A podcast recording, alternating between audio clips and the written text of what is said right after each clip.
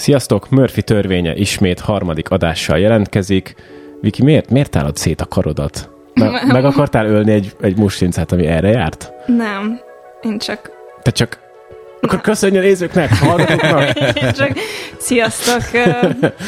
Igen. Ö, kizökkentettél a muslinca kergetésből, szóval keresem a szavakat. Minden esetre itt van velünk Betsz Peti harmadik Sziasztok. vendégként.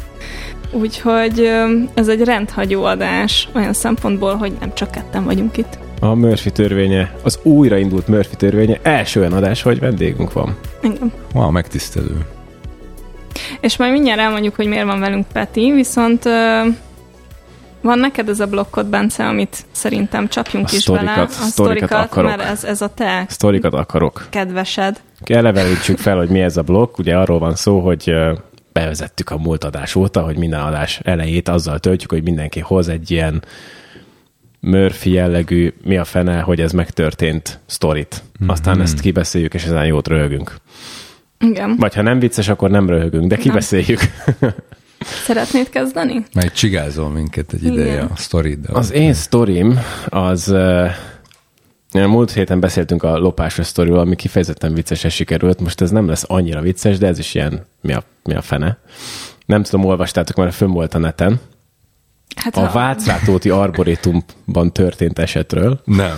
amikor is a botanikus, botanikus kertben ott dolgoztak a nem tudom kicsodák, a kertészek, mondjuk így, és kiforgattak a földből egy ilyen nagy régi elkorhat fa gyökeret, tudjátok, azok a nagy fát kivágtak régen, és akkor a gyökere még ott volt a földben, azt úgy kiforgatták, és elkezdték feldarabolni, amikor is megakadt a láncfűrész valamiben, ami kiderült, hogy egy második világháborús német pisztoly Azt a minden. a farönkben benne. Tehát, hogy az... A rönkben belül volt. igen. A... Igen, hogy aha, aha, vagy, vagy így, vagy igazából félig kilógott, vagy szóval valami, valahogy, valaki elásta valahogy oda ezt a került, valaki, igen, valaki elásta, vagy nem tudom, belenyomta a fába 80 évvel ezelőtt, amikor kiment egy házi buliból a kertbe pisilni, nem tudom, hogy hogy, hogy került oda, de, de, hogy, de hogy így ilyen De eset azt lehet találni. cikk, hogy hol van a fának melyik részén. Volt vagy- egy kép, így az oldalába volt belenyomva. Aha. Izgi. Tehát akkor vagy egy neonáci. Lehet, hogy tegnap rakták, de nem, hát egy ilyen nagyon elkorrodálódott pisztoly volt már, tehát hogy az nem tegnap került oda, hanem tényleg Aha. elég régóta, és azt mondják, hogy a, a gyártmánya az egy ilyen második világháború előtti Luger típusú német pisztoly.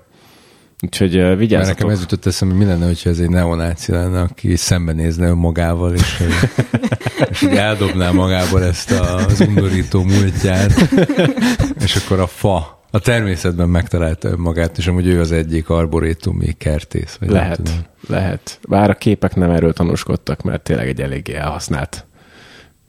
Vagy lehet, hogy a neonáci a pisztoly gyűjteményéből egy Erre. elhasznált régi darabot Igen, elhozott, erre gondolom. hogy a rituálét azt ezzel folytassa le. Jó, hoztam én is egyet, de én felolvasom, mert um, nem tudom Lehet, hogy nekem is azt kellett volna, múltkor felolvastam, ugye, Jó. és az úgy viccesebb volt. Ez a 24.hu-n jelent meg ez a cikk. A kép, Belföldi. a, a, Nagyon kép, jó. a képet már félig látom, és nagyon Igen. tetszik. Örjöngve verte a bíróság ajtaját, majd letolta az alsógatjáját, hogy lássák, mekkora heresérve van miattuk. Jó, tehát ugye ez a cím. Jó, de lehet, hogy neki tényleg rossz, hát azért Hát fájdalmas biztos, hogy lehet rossz. az. Na, azt mondja, pénzbüntetést kértek a garázdaság védségével vádolt férfire. Garázdaság védsége miatt állítja bíróság elé a győri járási ügyészség azt a férfit, aki ököllel ütötte a bíróság ajtaját Győrben azért, hogy bejusson oda, majd letolt alsógatjával mutogatta magát a zebrán. Gál Katalin Zsuzsanna, a Győr-Moson-Sopron megyei főügyészség szóvivője az esettel kapcsolatos megkeresésünkre azt mondta, hogy büntető végzésben meghozandó pénzbüntetést kértek a vádlotra. A vádirat szerint a férfinak dolga volt a győri bíróságon nyáron.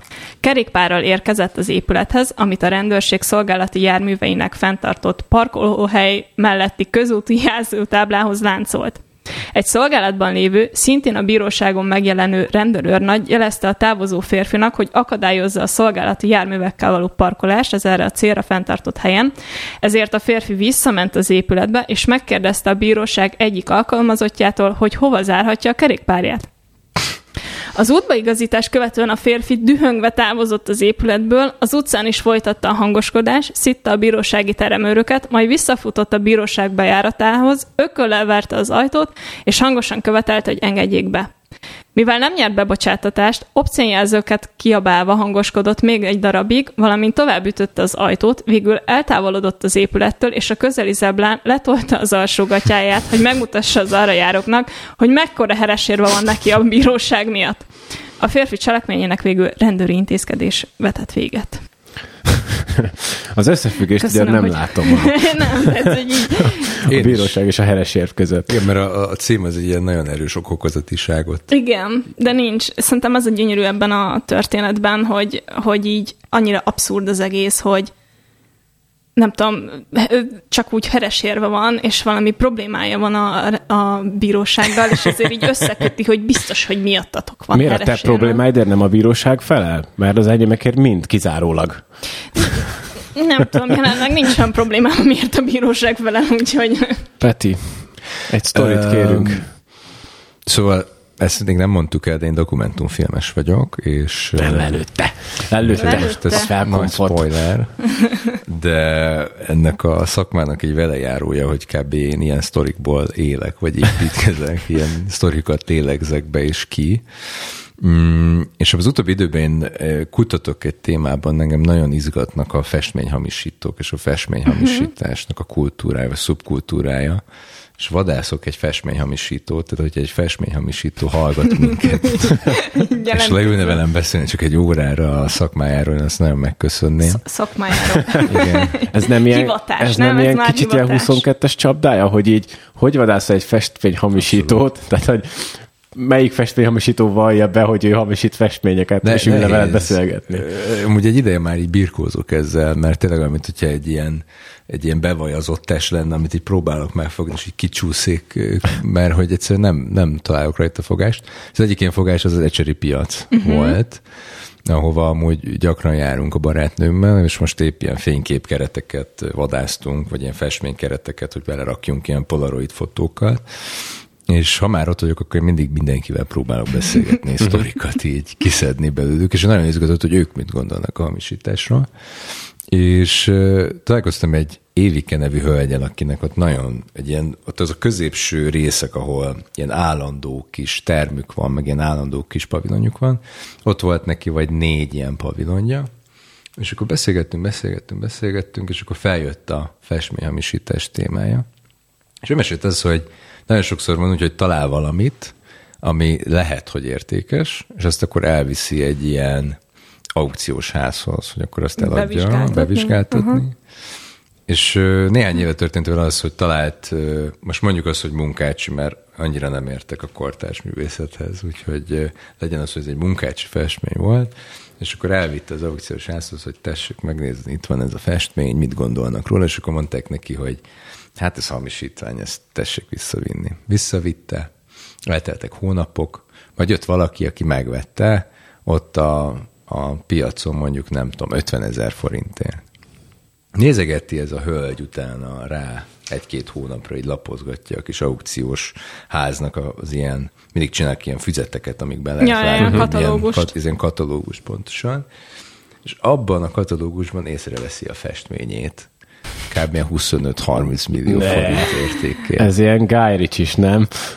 Hát ilyen abszolút, tehát nagyon így át, át lett verve szegénykém. Wow. És, és aztán, ja, úgyhogy ez a VTF sztori. Igen, szegény. Szóval um, azért szerettem volna, hogy a Peti eljöjjön, és nagyon köszi, hogy itt vagy, Nagyon örülök, hogy itt lehet. mert két okból kifolyólag az egyik az, hogy uh, doksis vagy, tehát dokumentumfilmrendező, Mhm. uh-huh. a másik meg az, hogy a verziónak a szakmai programját vezeted, vagy minek mondhatjuk? Hát a, a Verzi Dokumentumfilm Fesztiválnak, ami ugye most jövő héten kezdődik, van a Doc Pro nevezetű szakmai programja, amit mi viszünk, én és Kádár Hanna, aki szintén dokumentumfilm rendező, tehát mi vagyunk ketten uh-huh. a koordinátorai, de ezen felül most párhuzamosan idén még mi visszük a DocLab nevezetű workshopját is a fesztiválnak, uh-huh. ami meg egy dokumentumfilm fejlesztő workshop. Uh-huh. Mielőtt belecsapnánk ebbe, viszont ugorjunk egy kicsit vissza rád, hogy nem tudom, a kultonból ismerünk téged is. Tehát, hogy pont itt megbeszéltük adás Ez előtt, a hogy micsoda fantasztikus dolog volt Kihasználjuk a kulton. kapcsolatainkat. Igen. Hogy ebbe az adásban biztos, hogy lesznek még kulton kötődések. Igen. Igen. De amúgy szerintem fantasztikus, hogy egy csomó ember, nem tudom, egy ilyen gyűjtőhely volt, és hogy, hogy mennyi felé mentek emberek. Egy alma mater, Igen, mondjuk tehát hogy. Nem kellett volna egyetemre járni, hát ott volt a kult. Ja. Na mindegy, ö, és hogy onnan ismerünk téged, és ott te főleg fotóztál, ha jól emlékszem. Igen, és akkor én, én, én ugye akkor még a Corvinusra jártunk többen, és a Zsoltal is, együtt laktunk, és akkor úgy adta magát, hogy akkor, én amúgy is nekem volt akkor régen még egy ilyen reklámcégem, egy saját ilyen videós reklámgyártó cégem, ugye mindig filmmel, meg filmrendezéssel, vagy filmkészítéssel akartam foglalkozni. És akkor én 2013-ban beadtam a felvételimet a Színház és Filmművészeti Egyetemre, és az utolsó előtti fordulóban kiejtettek, és ennek hatására úgy döntöttünk a barátnőmmel, hogy mi elköltözünk innen, és megpróbáljuk a szerencsénket külföldön. És akkor Dániában lyukadtunk ki Kopenhágában, és ott éltünk majdnem 7 évet, és most ö, 2020-ban a Covid közepén költöztünk haza, ami egy izgalmas sztori volt. Mikor máskor költöznél, nem? Persze. Hát maga a költözés az megvolt, hogy ez lesz, ez ja, más ja. kérdés, hogy a Covid meg így rátelepedett erre a folyamatra, de így kidragadtunk amúgy két hónapot, vagy három hónapot, és ez egy fantasztikus időszak volt. Úgyhogy igen, én dokumentumfilmmel foglalkozok, a dokumentumfilmezés az, az így nagyon későn talált meg, de én amúgy nem ismerek olyan dokumentumfilmest, akit ne ilyen későn talán, meg uh-huh. egy embert ismerek, aki egy barátom, a Szabó Laci, aki hat éves kora óta már tudja, hogy ő Fogja a kamerát és hogy- rögzíti a Abszolút. És abszolút. meglátott egy békát a kertitóba, és már elkezdte narrálni ilyen David Attenborough-ba. meg már beleesel a dokumentumfilm és az ismeretterjesztő természetfilmeknek Na, a akkor ezeket határmeséinek az összemosásába. Na jó, majd Nem, tisztázzuk a, ezeket. A, a, a Laci amúgy fantasztikus, mert ő az a generáció, aki már így YouTube-bal úgy nő fel, uh-huh. hogy ott, ott fel van töltve egy csomó magyar doks, és mert sokat beszélgettünk erről, és ez nagyon nagy hatása volt rá, hogy ott tudott nézni uh-huh. magyar dokumentum, uh-huh. és be így lett. De ez az, ő az egyetlen ilyen ember, akit uh-huh. ismerek. Szerintem a leggyakoribb történet az, hogy valaki újságíró, Ja, vagy ja, ja. uh-huh. antropológus, vagy filmes, és akkor valahogy bele, csop, így bele esik ebbe, vagy bele csöppen ennek uh-huh. a világába, amit amúgy ilyen kreatív dokumentumfilmezésként szoktak leírni, az egy ilyen találóbb. És az én esetemben ez Dániában történt meg, mert én ott nagyon próbálkoztam, az én reklámoztam ott reklámrendezőként, vágóként, ilyen különböző fikciós projektekben, ilyen rövid filmekben dolgoztam, vágóasszisztensként mm. és hasonlók, és ott nagyon próbálkoztam az, hogy egy saját fikciós tervet így elkészíteni. Meg ugyan jártam ott kint egy filmes iskolában, de ez inkább az LT-nek és az SF-nek egy ilyen furcsa, az abi gyerekként leírható valami, nem volt egy ilyen kifejezetten filmművészeti oktatás. És valahogy ez adta magát egy idő után, elkezdett nagyon izgatni kifejezetten egy történet, és nagyon adta magát az, hogy én ott külföldiként, ilyen kívülállóként ott, ott létezek, és nézem a dánokat, mm. és akkor nagyon adta magát ez a fajta látásmód, illetve a dánoknak fantasztikusan szép dokumentumfilmes kultúrájuk van. Tehát nem csak intézményesített oldalon, hanem a nézői oldalon is. Tehát nagyon szeretik a dokumentumfilmet, nagyon akarják nézni a dokumentumfilmet, akarják nézni moziban a dokumentumfilmet. Ez egy olyan dolgok, amik, amiknek szerintem a, az a dokumentumfilm reneszánsz, amiben benne vagyunk. Abszolút szerintem ez a Netflix, nem tudom, utóbbi 6-7 éves, vagy a streaming szolgáltatásokon elérhető dokumentumfilm termésnek köszönhetően, még már az előtt is szerintem az egy Dánia nagyon ott volt mindig, és most uh-huh. is amúgy Európában nemzetközi szint az egyik legjelentősebb dokumentumfilmes országnak tekinthető szerintem. Minden is engem ott csípett meg ez a dokumentumfilm bogár, úgyhogy ö, aztán úgy adta már magát, hogy ez, ezt én, ez valahogy a személyis, az összes személyiség jegyem valahogy ebbe beleágyazódik, a kíváncsiságom, uh-huh. az emberek szeretete, a, a, az, hogy ezek az ilyen sztorik, amikről most itt beszélünk az elején, azokat hol lehet megtalálni, uh-huh. hol vannak azok ilyen repedésekbe benézni, hogy ott mi történik, mi van a dolgok mögött. Mm, és valahogy ez így minden így ebben így kultimálódott, és nagyon, nagyon nagy boldogsággal vetettem ebbe bele magamat. És utána 2020 nyarán engem felvettek az SZF-re az Almási Tamás, akik esőtélnek az mhm. osztályába. Uh-huh a Dokma, ami a dokumentumfilm rendező művész mesterképzést akar, és akkor én ott elkezdtem, pont amúgy az egyetem foglalás alatt, ami nagyon izgi volt, vagy nagyon furcsa volt így külföldről hazaköltözni, és kapni egy ilyen nagy pofont a, hely, a, a magyarországi körülményekről, hogy itt mi történik. Ez egy nagy ilyen tűzkeresztségem volt, de mindemellett, hogy a Covid és az egyetemfoglalás megnehezítette a, a, az, hogy klasszikus értelemben vett oktatást kaphassunk, rengeteget tanultam, rengeteg embert megismertem, és valahogy ennek a, hozományaként lettem tagja most a Magyar Dokumentumfilmesek Egyesületének, a Madokénak az egyik elnökségi tagja vagyok, ami egy olyan felkérés, aminek nem tudtam nevet mondani, mert pont az volt a célja a Madokénak, hogy a fiatalabb feltörekvő filmeseket, mint én valaki képviselje, és akkor ezt én elvállaltam, és, és nagyon köszönöm azóta is a Madokénak, hogy megszavaztak, és elnökségi tag lettem. És akkor valahogy ez így begyűrűződött az utóbbi időben, tehát valahogy így nagyon bele, belekerültem itt a dolgok sűrűjébe.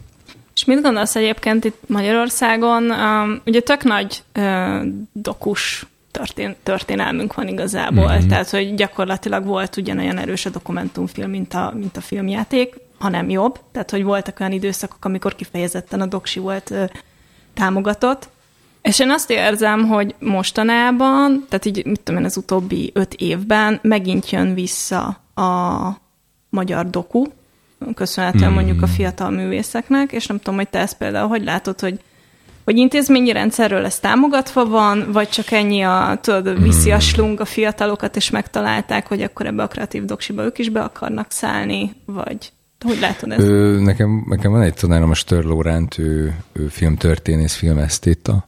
Az élet és irodalomban nagyon sok kritikája meg szokott jelenni, de alapvetően a magyar kortárs dokumentumfilm rengeteget ír, és van egy nagyon jó könyve, a, fú, most mivel címekben is nagyon rossz vagyok, ez valószínűleg el fogom mondani, de ha jól emlékszem, a, a nyelvváltás, vagy perspektívaváltás, majd itt belerakhatjuk ilyen linkekbe az adáshoz, hogy pontosan mi a címának és ezt nagyon szépen leírja, hogy ott valahogy ott 2000 tíz körül van egy uh-huh. ilyen nagyobb Igen. paradigmaváltás, és amúgy az, az nagy részt az én osztályfőnökeimnek is köszönhető, uh-huh. az Almási Tamásnak is köszönhető, meg a Kikesi is köszönhető, mert létrehozzák Magyarországon a, az ilyen egyetlen létező dokumentumfilm képzést akkor, és annak vannak olyan hullámai, vagy beindít olyan változásokat, ami miatt nem is azt mondanám, hogy a, tehát valahogy bele tudunk, elkezdünk belekapcsolódni abban a nemzetközi trendbe, mert ez nemzetközileg Igen. is létező. Tehát ez nem csak magyar jelenség, ja, ja. hanem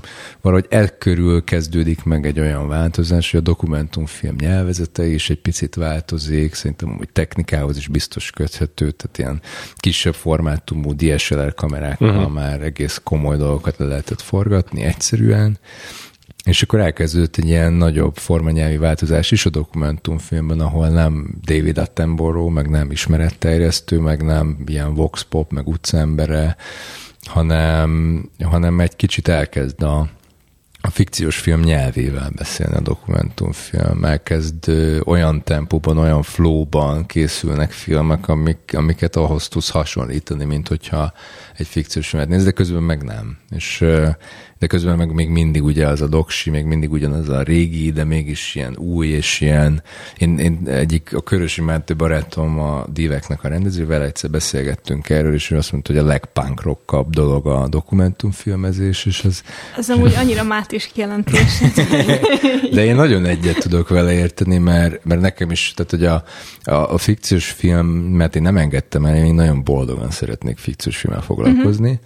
Meg szerintem fogok is, de, de a dokumentumfilmbe így belekerül, vagy, vagy ez utóbbi, nem tudom, hat évben, vagy öt évben, hogy én ebbe jobban beleásódtam, vagy belekerültem, vagy így kialakult nekem, mint egy ilyen szemüvegem a világfele, iszonyat felszabadító. Tehát, hogy sokkal mm, könnyebben, sokkal egyszerűbb önkifejezés formának uh-huh. találom, mint mondjuk a fikciót, mert nem, nem az, hogy le kell, nem tudom, engem mindig izg, vagy idegesített ez, hogy le kell ülni, és akkor ki kell találnom a plánokat, meg... Ja, ja, ja. Meg, meg előre meg kell írni előre a meg kell írni a dolgokat. Van egy másik ismerősöm, aki pont ezért szokta azt mondani, hogy az, a doksiban az a jó, hogy ez ilyen buddhizmus, hogy uh-huh hogy a, hogy a fikciós film az inkább ez egy ilyen keresztény dolog, hogy itt vannak hierarchiák, és akkor valaki megmondja, hogy mi hogy lesz.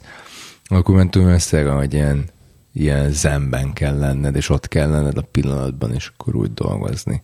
De most már fogalmam sincs, hogy mit kérdeztél, vagy honnan lyuk. Nekem, nekem lenne kérdésem, Nyugodt. hogy akkor, akkor szerintem érdemes nevesíteni azt, vagy megfogalmazni, hogy akkor mi a, mi a trend most? Hmm. ami, ami nemzetközileg alakul és beszivárgott most már hozzánk is. Tehát ugye szóba került, vagy említetted ezt, hogy uh, ugye fikciós film nyelvezetével mesélnek, meg nem tudom, nekem közben eszembe jutott, hogy animációk vannak például persze, uh, persze. doksi filmekben, és akkor az egésznek hát, van egy tényleg egy olyan... van, hogy az egész film animáció. Igen, az, van egy olyan rohanása, úgymond, mint hogyha egy fikciós filmet néznél. Tehát, hogy szerintem kicsit ezekről a trendekről egy érdemes külön beszélni. Vagy így hát, akkor nevesíteni ezeket. Mondtad ezt, hogy beszivárgod, de szerintem ez pont ebben az az izgalmas, hogy, hogy együtt vagyunk. Tehát, hogy én, uh-huh. én nem szeretek ennyire binárisan gondolkodni, hogy nyugat, kelet, hasonlók, hanem pont, hogy együtt, ez egy olyan kohó, amiben együtt az egész világ valahogy for, és hogy nem, nem, szerintem nem mondanám azt, hogy beszivárok, hanem inkább az, hogy, hogy mi is részese lettünk egy olyan trendnek, egy olyan felgyorsulásnak, amiben a dokumentumfilm is egy kicsit átalakul, vagy máshogy gondolkodik. Ö, egyszer hallgattam egy előadást erről, hogy mi az, hogy kreatív dokumentumfilm, és akkor ott, a, aki előadott, mutatott nekünk egy bálnáról egy fotót, és akkor azt mondta, hogy ez a bálna, mint a dokumentumfilm, és az, amiről mi beszélünk, vagy amiben mi gondolkozunk, az a kreatív dokumentum, vagy ez a creative documentary filmmaking, Szerintetek melyik része a bálnának? És akkor mindenki találgat, hogy az uh-huh. uszonya, nem tudom milyen. És akkor mondja, hogy a szeme. Uh-huh. Tehát, hogy ezen belül annyi válfaja van, tehát tényleg nehéz meghatározni, mert van ilyen, hogy dokuszóp, és akkor a Netflixen vannak ilyen mutáns dolgok, hogy picit reality show. De ja, ja, ja, ja. Igen. Picit, amik amúgy kifejezetten szórakoztatók, de egy teljesen másra. Vannak ez, ugye a David Attenborough dolog, ez meg már ugye ismeretterjesztés, de Bevallom hogy nekem is a dokumentumfilmet még elkezdtem vele foglalkozni, ez, ez tényleg mindig ez a Duna TV-n uh-huh. délután négykor a gólyák élete.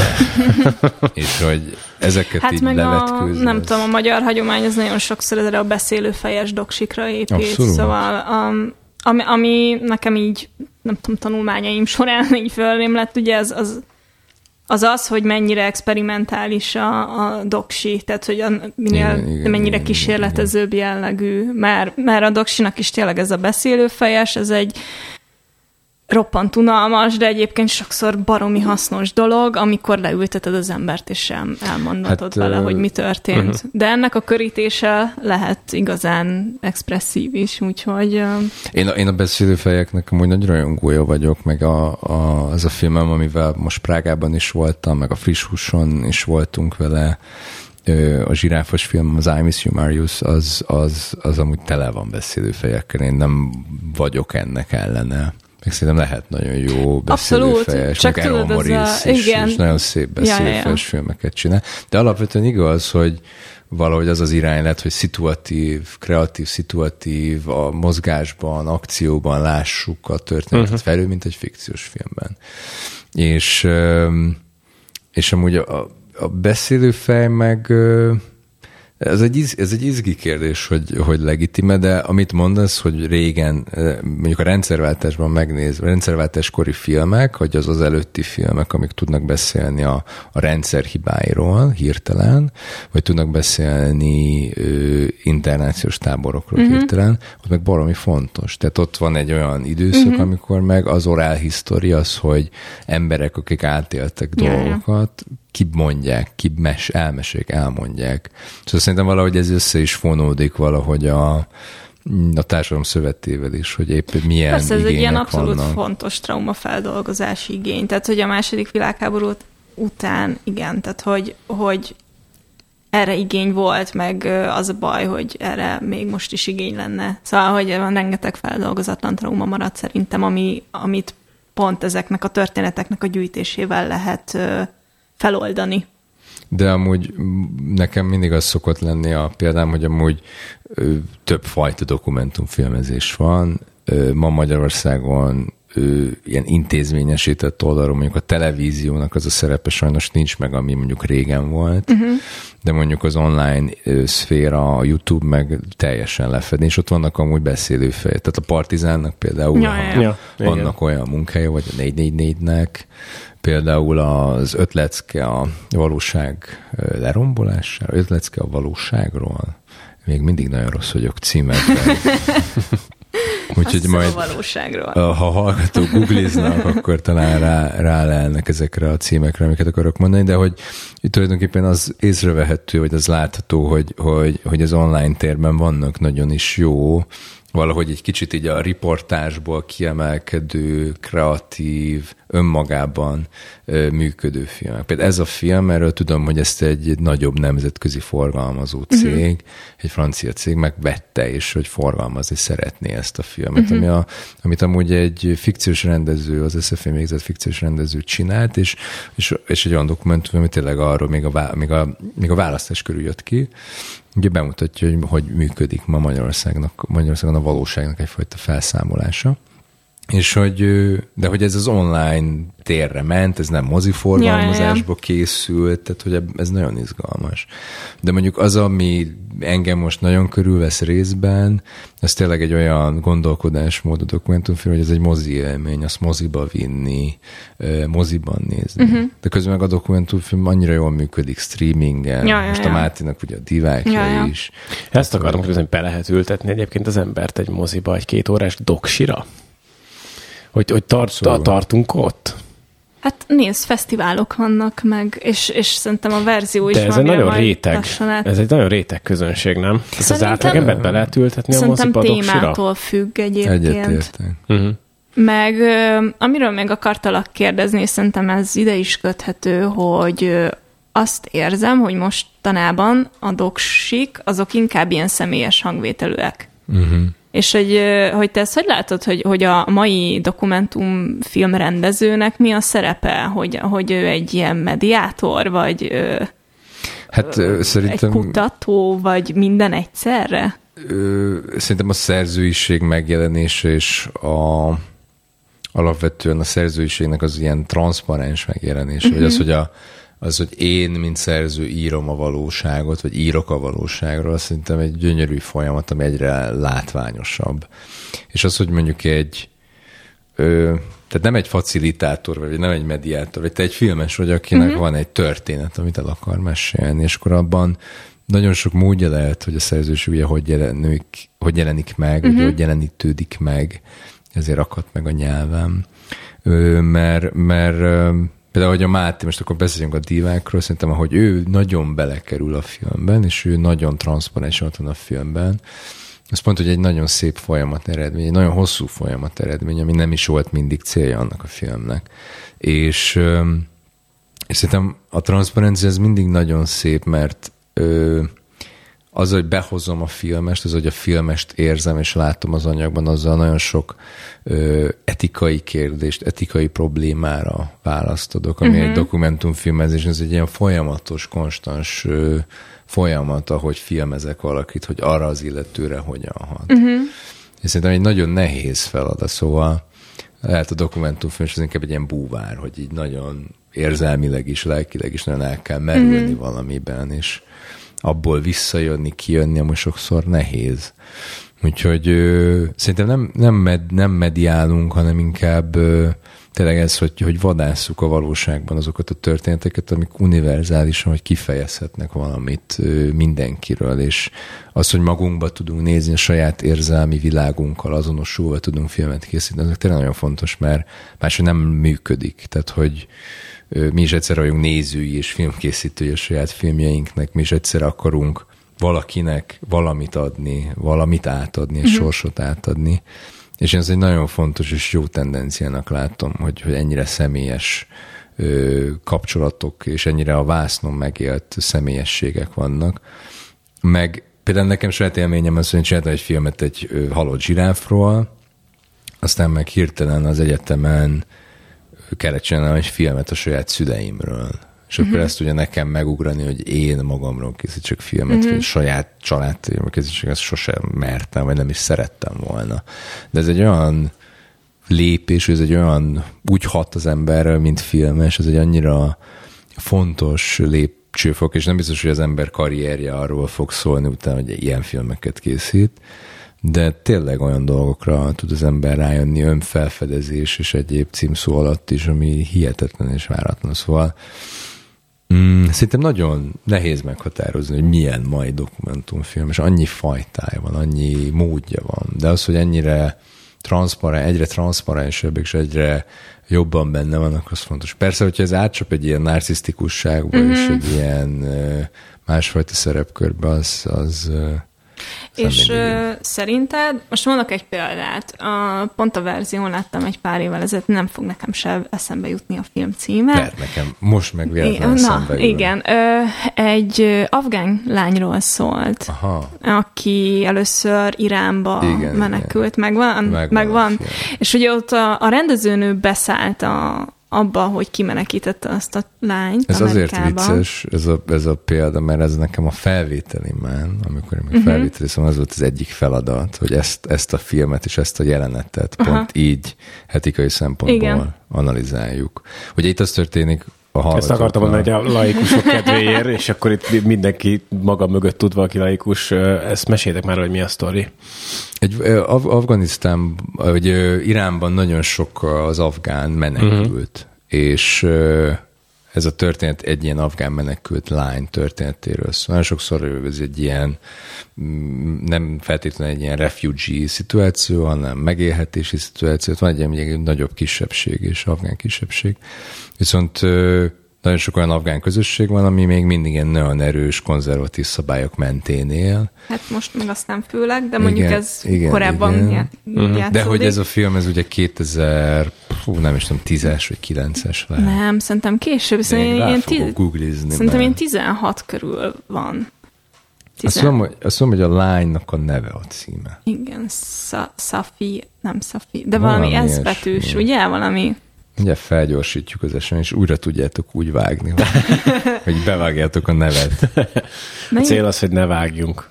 Ja, hogy ez, ez egy szabad adás, itt bármit lehet. Murphy törvénye. Úgyhogy itt a, egy perces szünet is belefér a googlizásig. Addig én elmondom az időjárást. Kint szóval, hogy, van. Mert utána az a cél, tehát a, a, a filmnek a főszereplő egy olyan lány, aki énekes előadó szeretne lenni. Sőt, ráadásul rapper is, Rap, vagy valamilyen... Igen, egy ilyen még durva, ami amúgy ebben az iráni kontextusban is még durvább, ugye, igen. ahol cenzurázott a női uh-huh. ének, vagy a női előadás. Um, és akkor ő, neki ez az álma, ez a vágya, de aztán egyszer csak megjelenik az ő anyukája, azt hiszem az édesanyja, és mondja, hogy, hogy őt, hogy őt akkor most eladták mennyasszonynak, haza kell jönni, meg kell házasodni, itt van a X összeg, ebben, a, ebben az afgán közösségben, ahonnan ő származik, ebben a faluban ez a szokás, hogy megveszi, megveszi a, a harmadik feleségnek az az illető ja, ja. Ebben, a, ebben a specifikus esetben, és akkor ő nem akar menni hanem ő maradni akar, és ő meg akarja valósítani azt az álmát, hogy ő hip-hop, rap, táncos, popstar lehessen. És Iránban. Iránban, de körben. igen, első körben Iránban. És akkor van egy jelenet, ahol konkrétan a, követi ugye a, a filmnek a rendezőnője már egy ideje ezt a lányt, és akkor van egy jelenet, ahol tulajdonképpen az a döntési szituáció a rendezőnő előtt, hogy ő adja oda a pénzt a lányért cserébe inkább, hogy maradhasson. Aha. Egyrészt meg tudja valósítani az álmait, másrészt folytathassa a filmet. És hogy ebben a szituációban te, mint filmes, mit csinálsz? Beleavatkozol, és azt mondod, hogy akkor én a rendezőnő, aki már hónapok óta követem, leteszem-e azt a nem tudom már milyen összeg, azt hiszem valami 5000 dollár, vagy 10 ezer dollár, vagy ami hasonló, vagy akár még nagyobb összeget is, vagy nem avatkozok bele a valóságba, és hagyom, hogy ennek a lánynak ez legyen a sorsa, hogy ő visszakerül Afganisztánba el lesz adva a feleségnek. Tehát alapvetően ugye ez a kontextus is szörnyű. Nagyon fiatal lányról van szó egyébként, tehát így ilyen 15 év körül van talán, szóval, hogy így gimnazista lenne, vagy hát a gimnazista éveit kellene éppen töltenie. Igen, és itt Nem a filmben például belenyúl a rendezőnő az életébe, Igen. sőt olyannyira, hogy aztán Amerikába menekíti a Kanadában. Kanadában? Igen, igen. Hát hogy segít neki, hogy Kanadában egy ilyen... Programba részt Egy ilyen, ilyen zenei konzervatóriumban uh-huh. felvegyék, és aztán viszonylag sikeres is, meg kap egy ösztöndíjat, és nagyon sokat segít neki. Ö, nem fogom megtalálni a címet.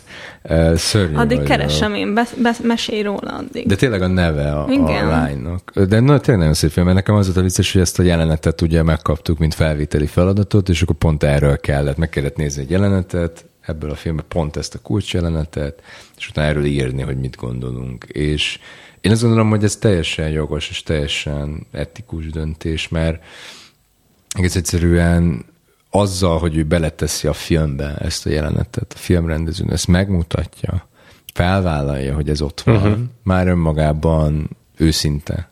És ha valami őszinte és önazonos, akkor az nekem működik. Lehet, hogy lesz olyan filmes vagy dokumentumfilm közeli ember, aki azt mondja, hogy ez szinte elítélendő, de ugyanúgy nagy kérdés az is, hogy, hogy fizettek-e a szereplőmnek, szabad-e fizetnem a szereplőmnek, vannak olyan filmesek, akik mindig fizetnek valamit a szereplőjüknek. Vannak, akik ezt kerülik, és mondjuk csak ajándékokat, mondjuk nem tudom, bevásárolnak nekik, hogy mondjuk olyan sorsokról beszélünk, ahol uh-huh. ez nehézen megoldható, de mondjuk arra a hónapra bevásárolnak nekik.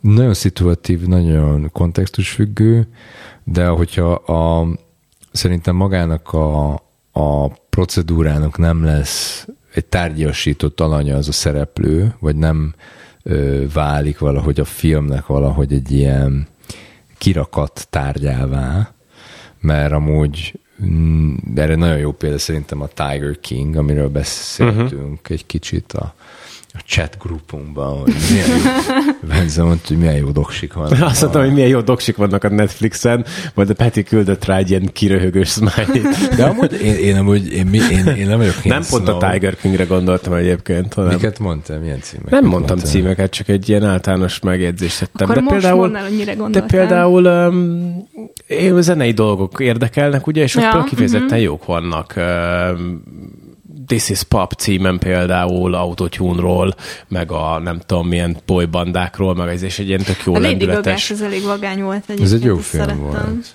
A Hip Hop Evolution például, hogyha ez megvan az nektek, megvan, igen, két, ez egy jó. sőt, az ez egy sorozat, négy évados, az egy mhm. sorozat, igen, és akkor járja a nagyobb, nagyobb amerikai városokat, és az adott hip-hop kultúrával, ja. uh-huh. Atlanta, New York, ugye, Igen, de West mondjuk az, az már egy zsanra önmagában, Persze. ahol a beszélő fejes emberek elmondják, hogy igen, akkor még nem hudtuk, hogy ő egy nagy sztár lesz. Egyszerűen az Avicii-ról szóló, Avicii? Nem Avicii, Getta, David Gettáról szóló dokumentumfilmet láttam, szörnyű volt. Azt mondjuk én pont nem láttam. És ez, mert az arról szól, az az egész egy segnyalás, tehát segnyaló buli arról, hogy mekkora zseni a Getta, és hogy mindenki már akkor látta, hogy nagy zseni lesz. De, ja, hogy te akkor téged ezek izgatnak, az ilyen zene. De tudok nem zenés példát is mondani, ami például szerintem fasza volt a a, a Peter Dinklage narrálásával a How to Become a Tyrant, hogyan legyél, ugye, nem is tudom, milyen a magyar fordítás a Tyrant nevű szónak. Hát ilyen, ugye, autoriter uralkodó, vagy igen, ilyen. Igen, igen, igen. Nem láttátok? De hallottam róla. Én gondolkodom rajta, de szerintem Szerintem láttam. Szerintem azért érdemes megnézni, mert az például tipikus példája ennek a, de ennek a, az a ilyen... trendnek, amiről korábban beszéltünk, hogy hogy animációkkal van tele, lendületes, a többi nagyon pofon egyszerűen magyaráz, hmm. tehát szinte, ahogy mondtad, egy ilyen fikciós filmnek az eszközeivel, mm-hmm. ugye... Megvan a film címe közben. Na. Sonita. Ah, Sonita. tényleg. Az ez betű volt. Ez egy 2015-ös dokumentumfilm. Na. Az IMDb szerint most valamit az IMDb-re kerültem rá. És erről szól, amiről beszéltünk már 15 perccel ezelőtt. Sikerült meg, De végére meg lett. De, szóval, hogy, hogy vannak ezek a Netflixen, és szerintem ez egy jó dolog, hogy a Netflix egyébként egy csomó ilyenbe nem tudom, pénzt, energiát. Nem azt mondom, hogy mindegyik jól sikerült, mert nyilván vannak hát, kevésbé jó kis közte. Netflix az egy kedvenc témám, mert ott valami nagyon izgi történhetett. És amúgy szerintem nagyon hatott is sokunkra az az időszak, amikor először megjelentek ilyen komolyabb, meg durvább dogsik streamingen. Ugye a Making a Murder az egy tíz éven kereszt, nem tudom, láttad a... Nincs meg. Nem láttad a Making? Nincs meg, nem. Nagyon jó, nem. nagyon fontos. Nagyon fontos true crime. Még a true crime érának egy Aha. ilyen ennek az új fellángolásának az egyik első ilyen komolyabb, még, a, még ugye szerintem mondjuk pont a podcast volt ebben a True Crime-ban nagyon jó, még régebben is, de ez ugye bemutatja azt a történetet, amikor egy valami déli államban, ilyen Bible Belt, vagy nem tudom milyen közeli államban egy csávót elítélnek kétszer is, életfogytiglanra, egyszer felmentik, kiderül, hogy nem ő tette, amit tett, aztán másodjára megint meg elítélik, és megint életfogytiglant kap, és akkor erről a harcról szól tulajdonképpen a család, meg a saját harcáról az igazságügyi uh-huh. rendszerben Amerikában. De ez egy olyan film, amit körülbelül szerintem olyan tíz évig forgattak, a két, két rendezőnő készítette, és tíz évig forgatták, amikor a Netflix azt hiszem, hogy ott pontosan beszállt, és akkor összerakták egy ilyen sorozat formátumba, és akkor ugye ezt ott lehetett, mint egy ilyen Netflix original, ott lett elérhető. És akkor ugye szerintem a Netflix ez nagyon jól, régebben mindig nagyon jól rá tudott érezni egy-egy izgi témára, és egy-egy izgi sztorira, és egy-egy izgi formátumra. De például pont a Making a Murderer-nek, a, Making a Murderer-nek ez a true crime formátuma utána elkezdett látni, hogy ennek a filmnek ilyen ilyen vizezett verziói uh-huh. felüljönnek ugyanabban a, a true crime narratív struktúrában, stilisztikában, esztétikában, és nem tudom, amikor, amikor Jeffrey Epsteinről szóló dokumentumfilmet nézem, egy fontos film, de viszont esztétikailag, meg kommunikációban, meg ilyen filmnyelvében, meg ugyanaz, tehát egy az egyben ugyanaz, csak vizezett verziójában, mint az összes. Ugyanazok a feliratok, ugyanazok a, a ilyen fejezetek, ugyanazok a, a az ilyen, ilyen dramaturgiai eszközök. Uh-huh. Tehát, hogy a netflix ez az izgi, hogy amúgy jót tett a Dosinak, meg szerintem nagyon fontos a Dosinak, de közben a mostani Netflix, vagy az ilyen kortárs, vagy ez, a, ez ami ma a Netflix, a most fel, felmész a Netflixre, kifejezetten nehéz lett jó tartalmat találni. Ebbe egyetértek, de ugye ez a felhigulás, ez nem csak a doksi de ez minden igaz, tehát hogy egy tehát, hogyha, alapvetően... nem tudom, van ez a Love is Blind, azt hiszem, Aha. megint egy ilyen jó kis reality show belenyúljak, annak is megcsinálják már a 46. verzióját. Szerintem egybe egyetértek a Netflixen manapság nehéz, mert tényleg nem tudom, negy óra telik azzal, hogy mit nézek a Netflixen, mert mert híg. Nehéz, nehéz. Híg. Meg nagyon nehéz megtalálnod benne azt, ami értékes és jó. Igen. És mondjuk ezzel szemben szerintem az HBO Europe, vagy az HBO, az például sajnos most már nem, hogyha jól tudom, ugye most már ez megszakadt azáltal, hogy megvásárolta a Discovery, de de ott például volt egy teljesen másfajta, és a magyar doksinak is nagyon jó tett, mert ott volt egy, az HBO-nak, amennyire én tudom, mindig az volt az ilyen az ilyen hívószava, hogy a, a, a helyi lokális filmeseket támogatni. És akkor ha az uh-huh. valahol ott itt tevékenykedett, akkor az HBO Europe az mindig próbálta vagy a magyarokat, vagy a cseheket, vagy a lengyeleket, vagy a, ebben a kelet-közép-európai régióban mindig támogatni egy-egy projektet. És akkor mondjuk a, a dívákkal, akkor ennek a podcastnek a dívák lesz mindenben a példája De nagyon sok példa van erre, ugye, magyar doksiban, az NCA-nak, a DRNCA-ék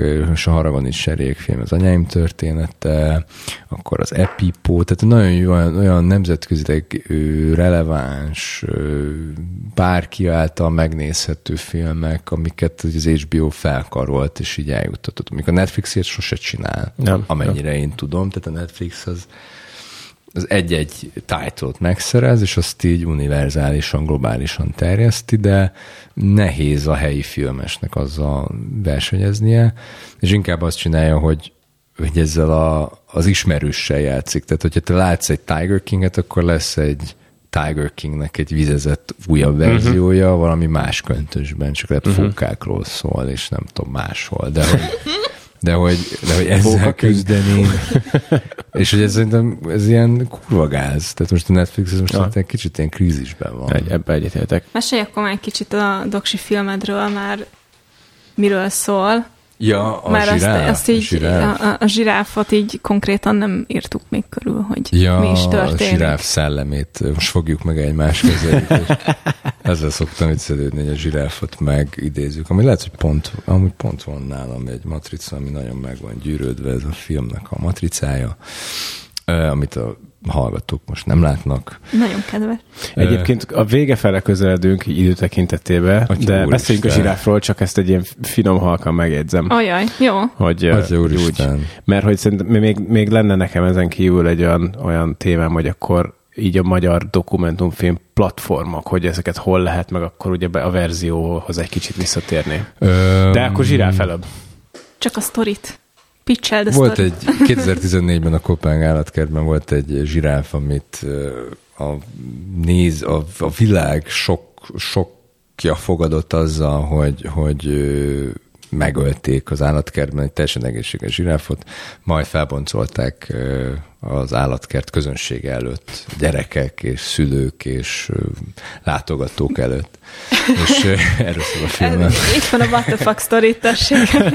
Hát igen, ez annyira what the fuck, vicces, hogy erről csináltam, csináltam egy filmet, és, és én, én azt az oldalát mutatom be a filmben, hogy miért kell ezt csinálni. És Dániában ennek egy viszonylag nagyobb kultúra és hagyománya van, de amúgy Norvégiában is, meg Svédországban is, meg Hollandiában is hogy állatkertek, hogyha ez egy állatkertben egy állat elpusztul, akkor az, hogy fel kell boncolni, az egy ilyen szabály, ilyen uh-huh. szabály.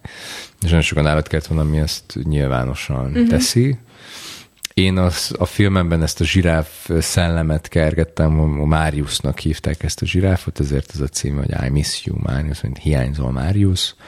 Öm, ezt kergettem, és akkor egy másik szálon pedig a, arról beszél, arról beszél a film, hogy azt mutatja be a jelenben, hogy van egy Abdi Hedayat nevezetű fantasztikus ö, ilyen boncnok, állat, boncnok, nem tudom magyarul, ilyen konzervátor, és, ö, és, ő, és ő ott a jelenben a Természetrajzi Múzeumban boncol állatokat, kis tigrist, meg anakondát, és olyan gyerekek előtt történik. Uh-huh. És erről szól a film, hogy ez jó-e, mit csinál, miért csináljuk, de nagyon sok szituatív elem van a filmben, de mellette vannak ilyen talking headek, hogy ugye az állatkertnek az igazgatója Bengt Holst, aki most már azt hiszem nem, most már nem ő a scientific, vagy ez a tudományos igazgatója, de például vele van egy interjú, mert ott elkerülhetetlen volt, hogy végre beszélhessen egy kicsit önmagáról, meg arról, hogy mi történt, miért volt ez fontos.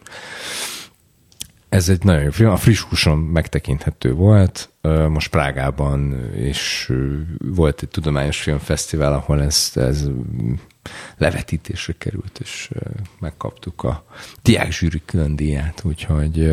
Gratulálunk. Még be is hívtak, képzeljétek, az nagyon vicces, hogy behívtak a cseh televízióba, és a péntek esti élőadásban, cseh híradóban beszélhettem a filmemről, szóval ez a film a, sajnos a hallgatók nem tudom, hogy hol fogják tudni megnézni, mert egyelőre fesztiválokon mászkál. Most a legközelebbi filmfesztivál az Bécsben lesz, ahol megtekinthető lesz a Bécsi Tudományos Filmfesztiválon, úgyhogy Irány ha esetleg Bécs. eljönnétek Bécsbe, akkor megnézhetitek január 7-én. Irány Bécs és irány akkor a verzió. Igen. Ö, igen, szóval a verzió filmfesztivál az jövő héten van. Figyelj, mire adásba megyünk, addig a, azon pont a héten, aznap igen, fog pont az, igen. igen. Kedden lesz az adás, tehát a pont a nyitó napján, ha minden igaz, november 8, igaz?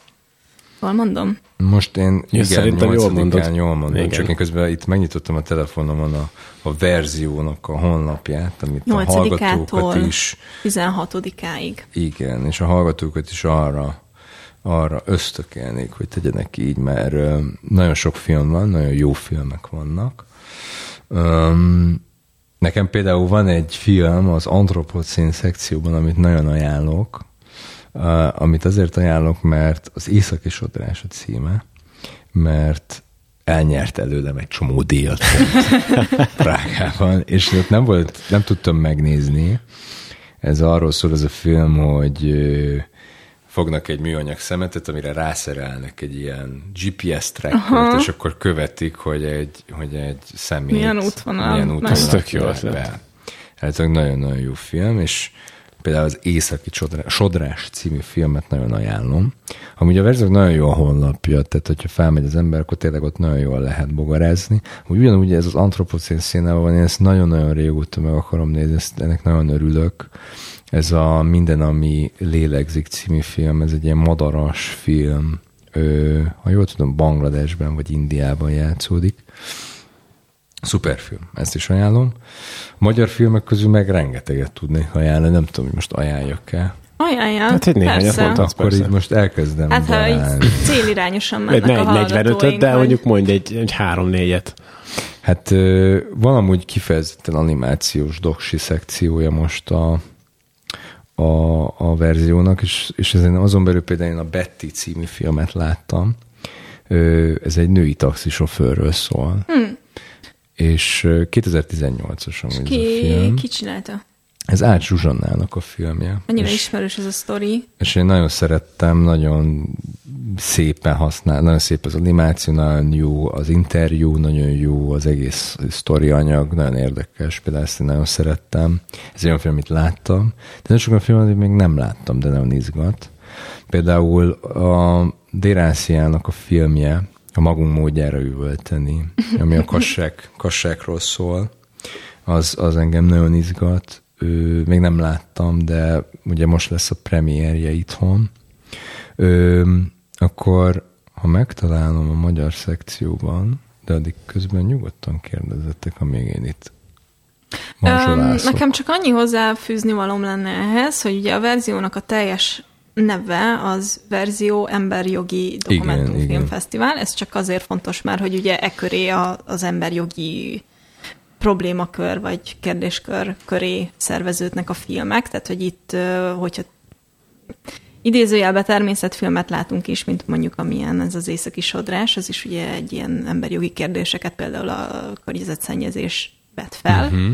Úgyhogy nem egy kicsit Hát most idézőjelbe kötött a témakör, de hogy nagyon tág is ezen belül, és hogy szerintem ez egy ilyen kicsit hiánypótló, hogy, hogy egy ilyen célzott dokumentumfilm fesztivál van hmm. Magyarországon, mert mondjuk van a, a Budapesti Dokumentumfilmfesztivál, ami szintén tök jó program szokott lenni, de hogy ott például nincsen ilyen megkötés, ott, ott mindenféle dolgok Igen, hát a, a verziónak ez nagyon fontos volt mindig is, meg a, ugye a, a verziónak az eredetéből is, ahonnan ugye kinőtte magát, meg ahonnan jön, az is egy ö, a társadalmi problémák felé egy érzékenyebb ö, álláspontból jön, és ö, most a, a, csak annyiban érzem ezt is, hogy ugye a, a alapvetően egy nemzetközi jelentős dokumentumfilmfesztiválról beszélünk, de mégis minden egyes döntéshozatal során ezek egy nagyon fontos szemszögek,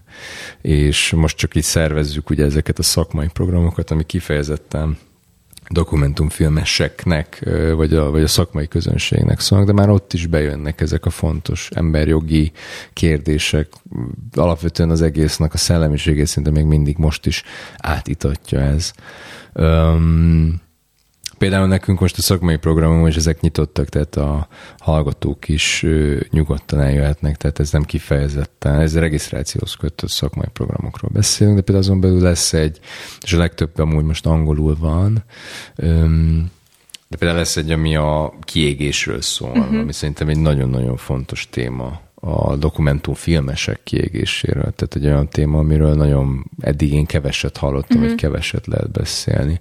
Nem tudom, hogy ez klasszikus értelemben emberjogi de valahogy ez én úgy gondolom, ezért van benne, amikor kitaláltuk ezeket a programokat, azért próbáltunk erre fókuszálni. Illetve egy dokumentumfilmfesztiválnak jó, hogyha van fókusza, mert Ja, abszolút. tudja magát pozícionálni, tudja magát valahogy ö, kezelni. Nem tudom, hogy válaszoltam erre a felvetett kérdésre. Nem tudom, hogy felvetett kérdés volt. Srácok, utolsó mondatok. Én, Én vagyok a rossz hírhozója. Én rengeteg magyar címet, mert Jó. nagyon És csak így mérges, lehúzzuk a hangot. nagyon mérges lennék magamra, ha ezeket nem tudnám elmondani. Szóval van még a Döntés című film, ami nagyon fontos. Arról szól, hogy egy katolikus papnak valójában van egy családja, uh-huh. és döntenie kell a papsága és a három gyerekes családja között. Ö, nagyon fontos film. Ugye a Viszkereti Márton és az Ugrin Julianna rendezte, akkor szerintem ami még nagyon, amire nagyon kíváncsi vagyok, az a Kikutyája vagyok én. Ez egy, ez egy erdélyi film, ami egy amit a Lakatos Robert rendezett, és tulajdonképpen egy ilyen játékos, szatirikus film a mai magyar közéletről uh-huh. és mhm. politikáról, a komondorok és a komondor kutyák, vagy a kuvaszós, nem tudom melyik a magyar kutya, ez mind a kettő, mind a kettő. mind a kettő magyar. Tehát annak a kontextusában vizsgálja ezt ilyen nagyon viccesen. Um, és akkor még amit nagyon szerettem volna ajánlani, az az Elmúlt, azt jól van. Ez Debre Zsuzsának a filmje, ez egy rövid film, ez 30 perc.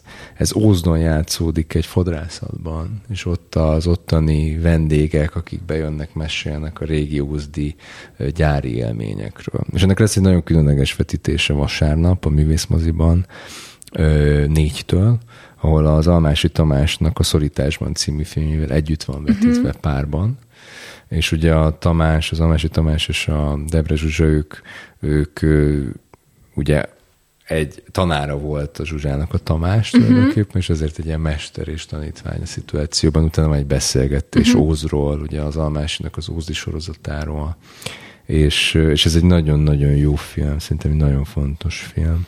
Úgyhogy erre buzdítanék mindenkit, hogy ezekre mindenféleképpen. Neked de rengeteg film van, és nézenek körbe a hallgatók a verzió www.org-on. Záróra. Igen. Peti, nagyon szépen köszi, nagyon hogy köszön. eljöttél. Én is előtt, és kicsit csapongtunk. Nem tudom, nagyon jól átrágtuk a dokumentumfilmek világát szerintem. Igen, köszi, hogy itt voltál. Gyere Én köszönöm. Is. Jövök. Sziasztok!